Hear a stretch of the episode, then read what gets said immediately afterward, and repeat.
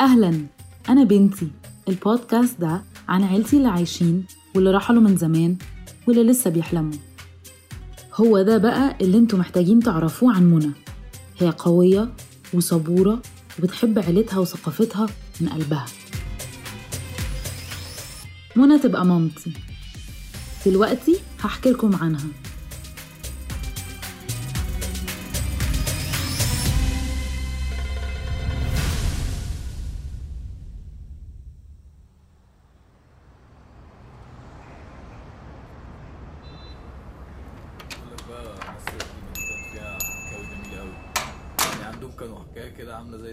تخيلوا أوضة ترابيزة في النص وقماش ملون على الحيطان والأرض والأبواب.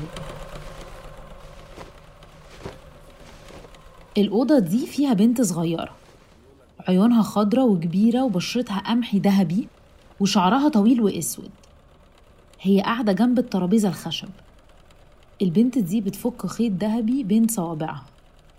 الخاتم اللي بيلمع على إيديها مكتوب عليه قل أعوذ برب الفلق.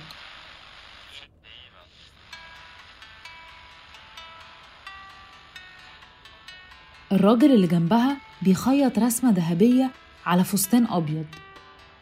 كتابته هيروغليفية. البنت دي منى والراجل ده مرزوق باباها. واللي في إيد مرزوق دي جلبية منى اتولدت في الإسكندرية. هي أصغر واحدة في بنات مرزوق الترزي وأرباب بياعة النسيج. من صغرها وهي بتموت في شغل باباها بالذات رسم الرموز والحروف الهيروغليفية بالخيوط على كل قطعة قماش بيبيعها. كل غرزة بتحكي قصة. كانت تسأله بابا إيه ده؟ ومرزوق يرد ده رمز بيبعد الحسد يا حبيبتي.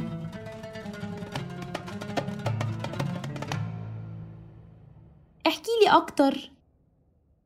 منى فضولية جدا. هي عارفة إن باباها بيقول لها قصص بس عشان يلهمها. كان بيحب تراثه وكان عايز يتأكد إنها هتبقى زيه. فكل مرة بتسأل مرزوق على حاجة منى بتحاول تعرف أكتر. عشان كده كانوا بيدلعوها مؤنة اللي معناه حاجة متشالة للمستقبل. غير إنها فضولية قوي منى بتحب كمان التلوين اتعلمت ده من مرزوق. صاحبها الأنتيم عبده كان برضه بيحب الفن طبعا فن المزيكا. ما علينا كانوا بيلعبوا مع بعض كتير في الحتة ومنى كانت دايما بتكسبه في كل حاجة. مرة لما كانوا عندهم 11 سنة عملوا سباق في الشارع. ومنى كسبته باكتساح. عبده حصلها في آخر الشارع بعد كام ثانية وإيده على صدره وبينهج جامد. منى نطت وهي فرحانة ورافعة دراعاتها فوق للسما. عبده حلف إنه هيكسبها المرة الجاية. بس عبده بابا مات وما شافوش بعض كتير بعد كده. وفي يوم بعد المدرسة منى راحت لمرزوق في المشغل. بس اتصدمت لما ما لقيتش حد خالص. أول حاجة جت في دماغها هي ماما! بابا اتحسد! افتكرت إن حد من الجيران كان جه واتفرج على شغله. بس مرزوق نزل بسرعة وهداها. كان لسه عنده سايح فرنساوي واشترى كل قماشه وتصميماته. بعد البيعة الكبيرة دي العيلة كلها نقلت في حي تاني أقرب من القاهرة. مرزوق بيتمنى إن ده يجذب فرص أكتر مع السياح.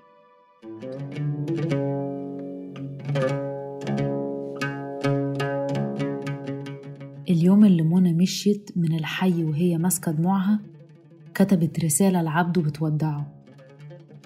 قالت فيها لا إله إلا الله. هو كمان بعت لها رسالة بيودعها برضه. قال لها محمد رسول الله. على أمل إنهم يتقابلوا مرة تانية.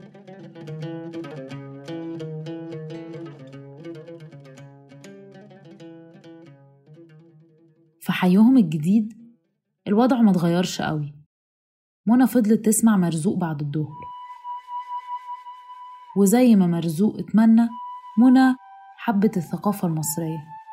فقررت تدرس التاريخ وعلم المصريات في جامعة الإسكندرية. في نهاية الثمانينات وهي في السنة الأخيرة في الجامعة. كانت في كافيتيريا الجامعة بتتغدى وشافت حاجة غريبة عليها. بنتين زيها في سنة أولى جامعة طالعين السلم ولابسين حجاب. كانوا داخلين مكان مخصص للصلاة في الجامعة. وكان مشهد غريب عليها وفضل معلق في مخها لوقت طويل.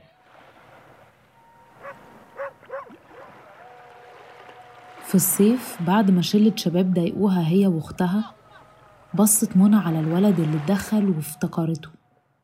عبده؟ ده انت؟ نفسه. هو هو. ده عبده جارها وصاحبها الأنتيم من أيام الطفولة. مع مقابلتهم في غروب الشمس تخيلوا مستقبلهم مع بعض.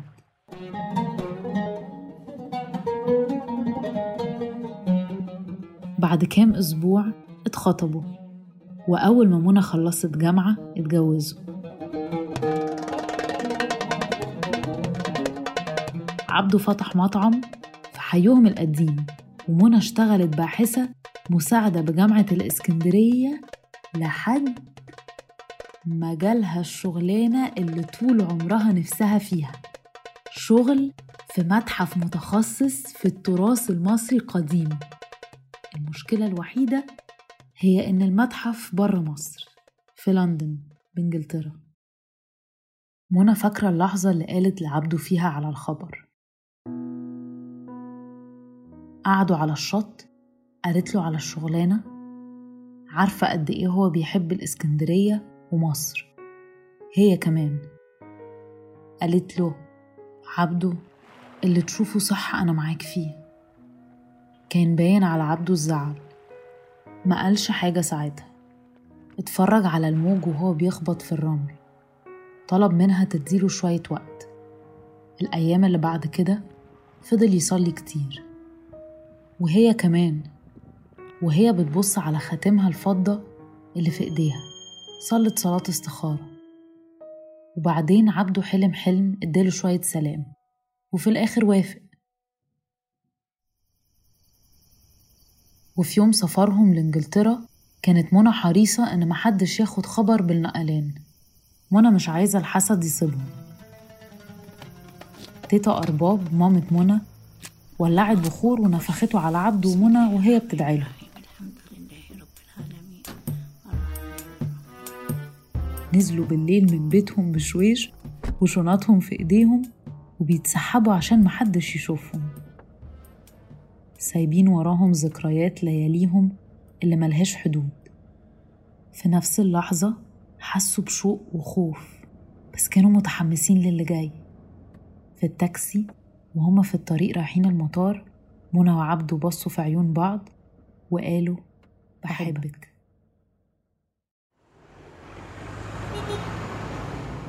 أول أسبوع وأنا راحت المتحف البريطاني لأول مرة وشافت حجر رشيد في الحقيقة. قطعة آثار تحفة. بمساعدة الحجر تم رموز الهيروغليفية خلال القرن التسعة عشر منى وقفت قدام الحجر بإعجاب لوحدها في المتحف قبل ما يقفل.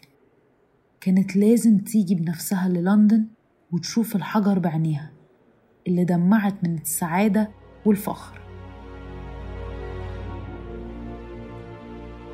سألت منى كتير ليه قررت تشتغل في مجال الحفاظ على تاريخ ثقافتنا في بلد تانية خاصة في بلد استعمرت بلدها وأخدت أثرها كانت دايما إجابتها ده تراثنا إحنا فلو حد هيتكلم عنه ويشرحه ويوصف قيمته فلازم يكون حد مصري. منى كانت عايزة تتعلم. وعلى الرغم إنها كانت ساعات بتحس إن وجودها هناك خيانة كان مهم ليها إنها تحافظ على تاريخنا ودي ما كانتش الحاجة الوحيدة اللي اكتشفتها منى في نفسها في لندن.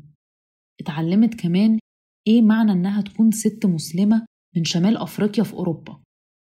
في يوم كانت رايحة اجتماع في المتحف سألها راجل عن الخاتم الفضة اللي في إيديها. قال عليه حجر غريب. منى بتكره الكلمة دي. شرحت له إنه مطبوع عليه آية قرآنية. الراجل قال حاجة مثيرة للفضول. انتي مش زي بقية الستات المسلمين آه، قصدي إنك مش محجبة. شكلك عصرية. فضلت منى تفكر كتير في اللي حصل. منى ست مصرية. هي ست مسلمة زي أي مسلمة تانية في مصر. كان قصده إيه الراجل ده؟ لما بتصلي في الشغل بالطرحة التركواز في كل صلاة بتقلعها بسرعة قبل ما حد يشوفها. حست إنها مش مستريحة حست بالخجل. وفي يوم منى كانت بتصلي في مكتبها وما خدتش بالها إن زميلها دخل عليها. اعتذر لها بس هي اتخضت قلبها دق جامد وهي بتخبي الطرحة بسرعة. فضلت تعتذر كتير وهي طالعة من المكتب. وهي بتتغدى بره المتحف نفس اليوم فضلت تفكر في الموضوع ليه محرجة؟ محرجة من الإحساس بالأمان؟ من الفخر بأصلها؟ سرحت في أكلها لدقيقة وبعدين أنهت وجبتها هناك في وسط ناس لندن منى فهمت حاجة في نفس الليلة منى كلمت مامتها أرباب وقالت لها إنها عايزة تلبس الحجاب على طول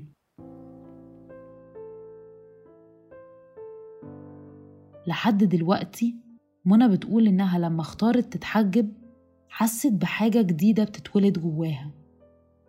بعد كذا يوم وصلها هدية أرباب اللي عبارة عن صندوق مليان طرح أشكال وألوان. أحمر كستنائي كريم بني أخضر كلهم مطرزين بشغل مرزوق الهيروغليفي. منى ابتسمت. الليلة دي عرفت إنها حامل في أول طفل ليها. عمر.